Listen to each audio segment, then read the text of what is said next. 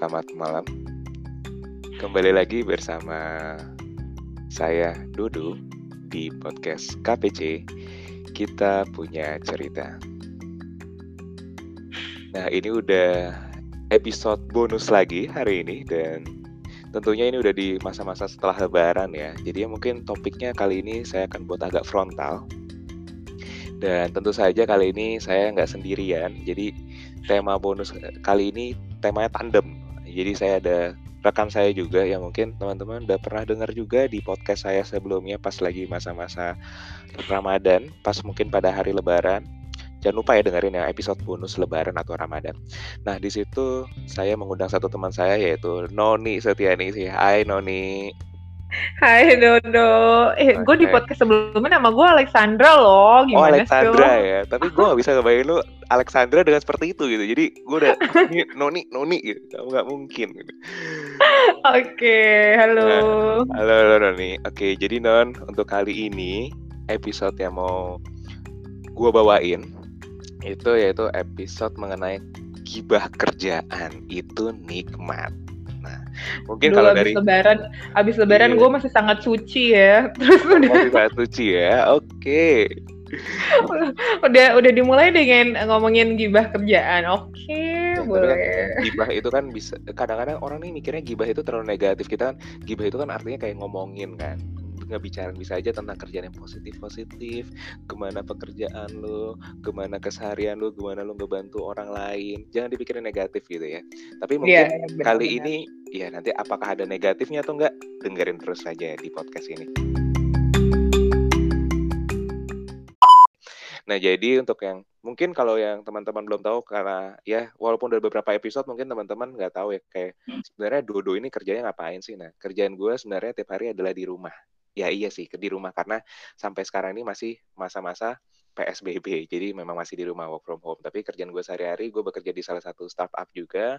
Dan startup ini ngurusinnya ngurusin tentang ya kalau misalkan target kita adalah UMKM lah pasar kita adalah seperti itu dan kita ngebantu untuk mengleverage value dari UMKM-nya itu sendiri. Keren ya non ya? Bahasa kita ya Keren ya, keren keren. keren. Ya. Nah itu Cinta, Noni jadi pencitraan lo ya bagus banget, oke. Okay. gue membantu branding dari company gue sebenarnya sih. Nah jadi dari sini Noni, gue kenal Noni, gue juga tahu Noni itu pas gue lagi dikerja di sini. Jadi awalnya emang gue masuk lebih dahulu, gue masuk di sekitar tahun 2019 tahun lalu lah gue baru masuk dan gue baru di sini sekitar setahunan. Dinamikanya udah cukup banyak dan jenjang-jenjangnya juga udah maksudnya apa jenjang apa ya kayak masalah-masalah lah masalah-masalahnya juga cukup banyak udah banyak yang dihadapin dan sampai sekarang gue masih tetap di sini dan bukan karena membutuhkan duit aja tapi gue seneng juga sih kerja di sini. Gila balik lagi non branding. Menjaga branding, nama baik. ya. supaya tidak diteror. Kamu jadi mau pindah kerjaan? Oh enggak pak. Saya tidak. Saya betah di sini.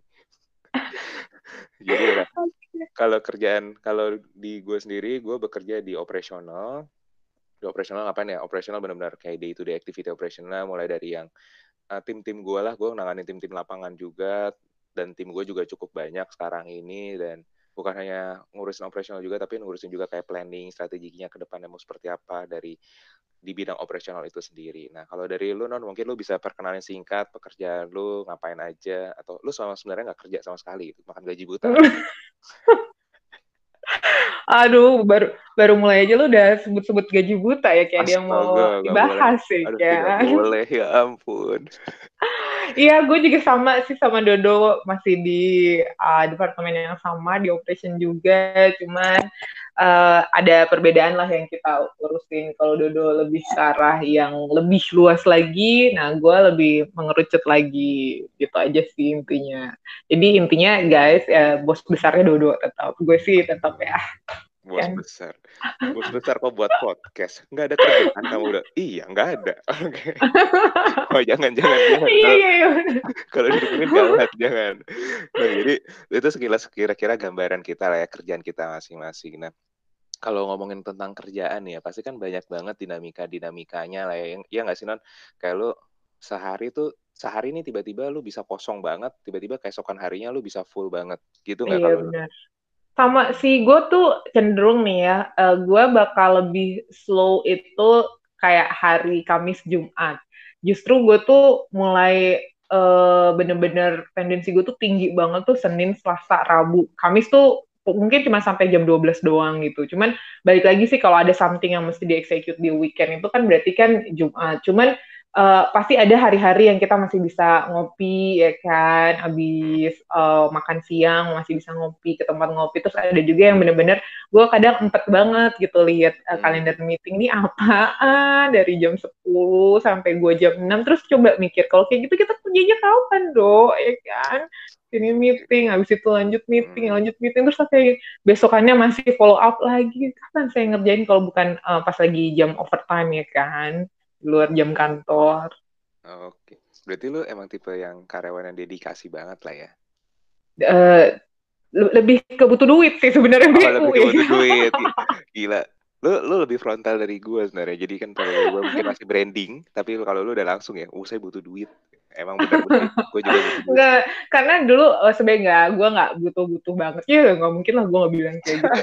naif kan semua semua orang itu pasti butuh ya kan cuman balik lagi sih ada yang um, kayak misalnya mereka ke perusahaan A B C D mereka ngejar gaji tinggi gitu nah gue lebih kepada ngejar learning curve yang lebih bagus lagi buat gue gitu jujur kalau misalnya ngomongin gaji bisa jadi perusahaan lain uh, menawarkan gaji yang lebih dari perusahaan sebelum-sebelumnya yang gue hmm. pernah kerja ya kan hmm. tapi kan sebenarnya kerja nggak itu aja kan hmm. semua orang pasti butuh uang Hmm. Cuman balik lagi kalau misalnya kita cuman bakal um, carinya uang aja kapan belajarnya ya kan. Menurut gue gitu sih. Setuju. Gue setuju sama lo. Cuma pertanyaan berikutnya adalah lu merasa di sini lu belajar banyak gak sih? Jujur. Oh banyak banget. Oh, okay. banyak banget otak gue tuh jauh lebih kepake ya kan. Okay, Saking okay. banyaknya ya kan pelajaran-pelajaran saya sampai uh, ke arah-arah yang negatif mungkin. oh sampai ke arah negatif ya. Iya jadi uh, karena cenderung uh, setiap startup itu beda-beda ya. Jadi uh, ada juga orang itu yang sebenarnya dia menamakan dirinya startup atau marketplace misalnya, tapi sebenarnya dia udah mirip-mirip corporate karena saking besarnya hmm, organisasi dan saking besarnya backingannya kan. Hmm. Jadi semakin besar organisasi, semakin settle dan lain semacamnya bisa jadi justru kerjaan uh, udah banyak yang automate, automation, jadi nggak terlalu sesibuk sekarang gitu. Begitu gue masuk, gue uh, seminggu kemudian uh, saya langsung cari kerja lagi di LinkedIn ya kan. Wah gila lo beneran. karena karena gue shock gitu. Wah gila kerja ini segini banyak ya kan. Gitu. Terus um, ditambah lagi awal-awal di push buat uh, hit the target ini ini ini segala hmm. macam gitu.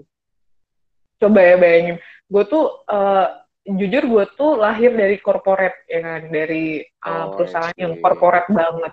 Yang lo tuh kalau misalnya kerja di perusahaan yang model kayak begini nih hmm. masih berlaku kiss your boss ass lah ya kan? Yes, gimana yes, lo bisa menjilat uh, bos lo atau atasan lo tuh lo karir lo cepet banget. Nah itu gue nemuin di perusahaan ini. Ini oh, corporate oh, banget seriously? lah Okay. Hmm, jadi bahkan gue tuh karena gue bukan anak yang seperti itu ya kan, hmm. gue nggak suka dengan culture yang seperti itu ya gue makanya akhirnya cabut dari perusahaan ini dan uh, terbukti gitu banyak juga gitu orang-orang yang masih bertahan dengan cara yang seperti itu. Nah beda ya, kan ya, sama, ya. iya beda kan sama startup ya kan, kalau startup ya bener-bener uh, lo ya walaupun ada sih semua tergantung orangnya balik lagi, walaupun ada beberapa hal yang kayak um, ya bener-bener lo deket sama bos baru lo bisa semuanya aman tentram damai gitu tapi ada juga yang hmm. bos lo tuh bener-bener ngeliat uh, kinerja lo bener-bener ngeliat apa yang udah lo lakuin kontribusi lo gitu sih sebenarnya makanya gue semenjak gue keluar dari corporate ini gue lebih banyak dari startup to startup marketplace to marketplace kayak gitu sih oh oke okay. udah jadi ya teman-teman bisa dengar sendiri berarti Noni udah dari dari korporat ke startup ke startup lainnya. Berarti pengalaman Noni udah banyak banget. Jadi bisa ditahu lah ya siapa bosnya di sini ya.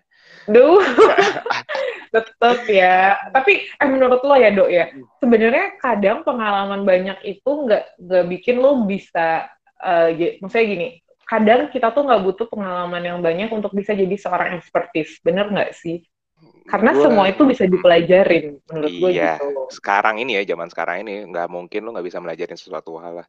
Lo kenal tools baru pun atau karena hmm. lo kalau asalkan ada niat pasti lo bisa pelajarin itu kan. Hmm, bener. Karena gue ngerasa banget sih anak-anak uh, lahiran-lahiran 96 97 itu uh, jauh lebih expert di untuk beberapa hal dibandingkan saya gitu. Jadi kayak gue wow. much appreciate banget buat anak-anak oh ya ampun ini Gen Z tuh keren-keren banget ya baru lulus udah wah kayak expert banget gitu sampai orang tuh mikir ini anak pengalamannya udah di mana aja nggak taunya baru lulus ya kan iya gitu. benar-benar kadang-kadang juga suka hmm. kaget sih Wih, udah lebih maksudnya lebih kayak nggak tahu ya kayak agak beda aja tapi gue gue amazed sih sama yang sekarang-sekarang anak-anak ini juga sih. Hmm, hmm, cara cara mereka berdiplomatisnya tuh kayak yang udah pengalamannya banyak banget. Bahkan kadang beberapa yang pengalamannya lebih banyak nggak seperti mereka gitu. Nggak sedewasa mereka nggak sediplomatis mereka gitu menurut gue sih. Bener. Ya itu kadang-kadang sih ya. Tapi mungkin nggak sebagian orang tapi adalah anak-anak seperti itu Nah, ngomong-ngomong tentang anak-anak seperti ini, ini udah ngomong-ngomong nih, udah mau ngomongin orang berarti.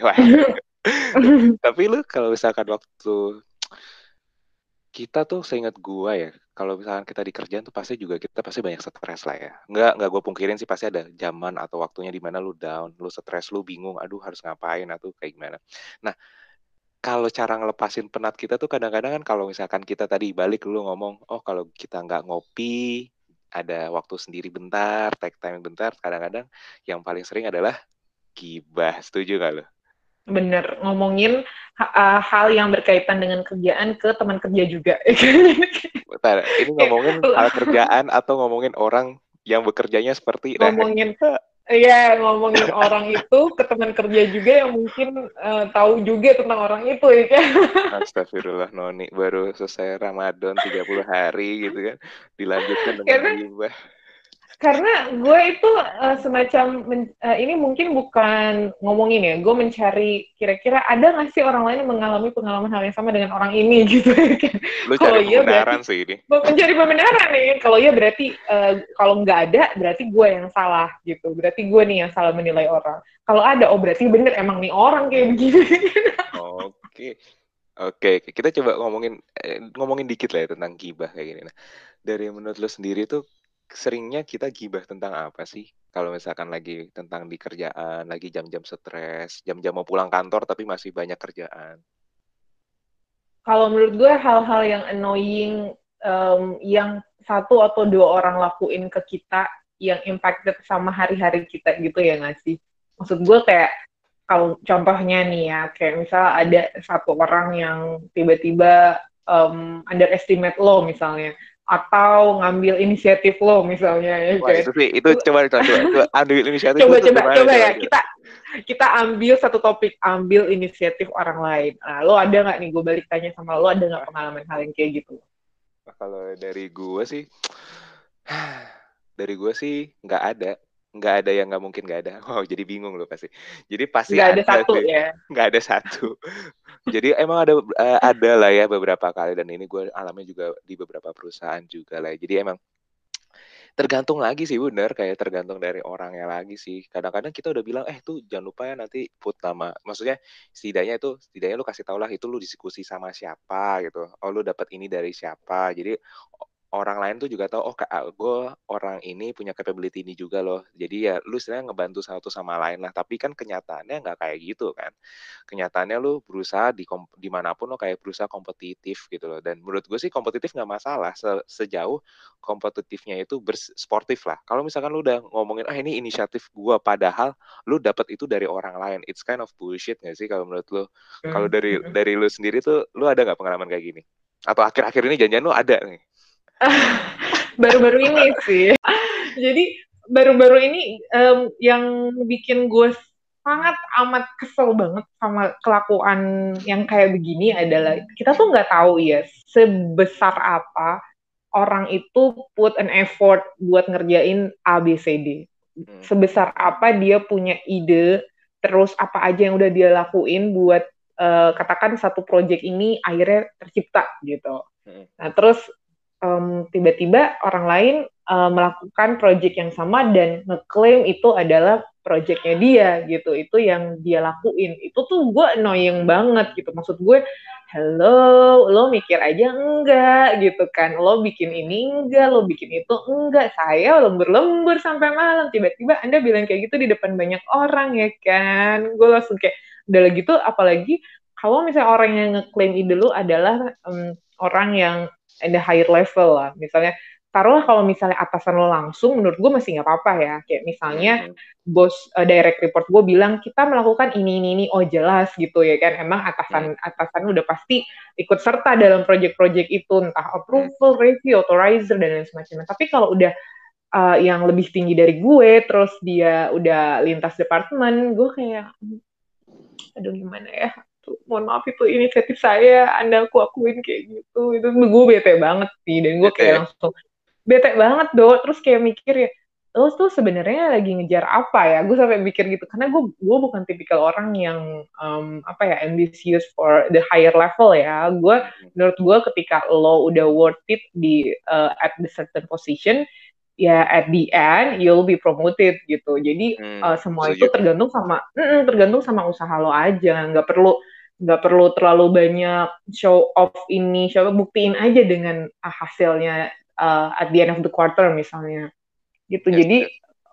dan gue sampai mikir oh mungkin apa karena dia mengamankan posisinya dia gitu ya kan. Mengamankan posisinya dia sehingga uh, dia harus banyak show apa yang dia kerjain inisiatif-inisiatif apa yang lagi dia bikin gitu sih. Terus ya mungkin banyak orang yang melakukan ini buat jalan karirnya dia juga kan. Cuman to be honest gue kita ya bukan gue. Kita sebagai korban menurut menurut kita tuh menurut kita tuh uh, it's, it's really annoying attitude sih. Maksudnya bener-bener nggak profesional banget. Kalau menurut lo gimana dok?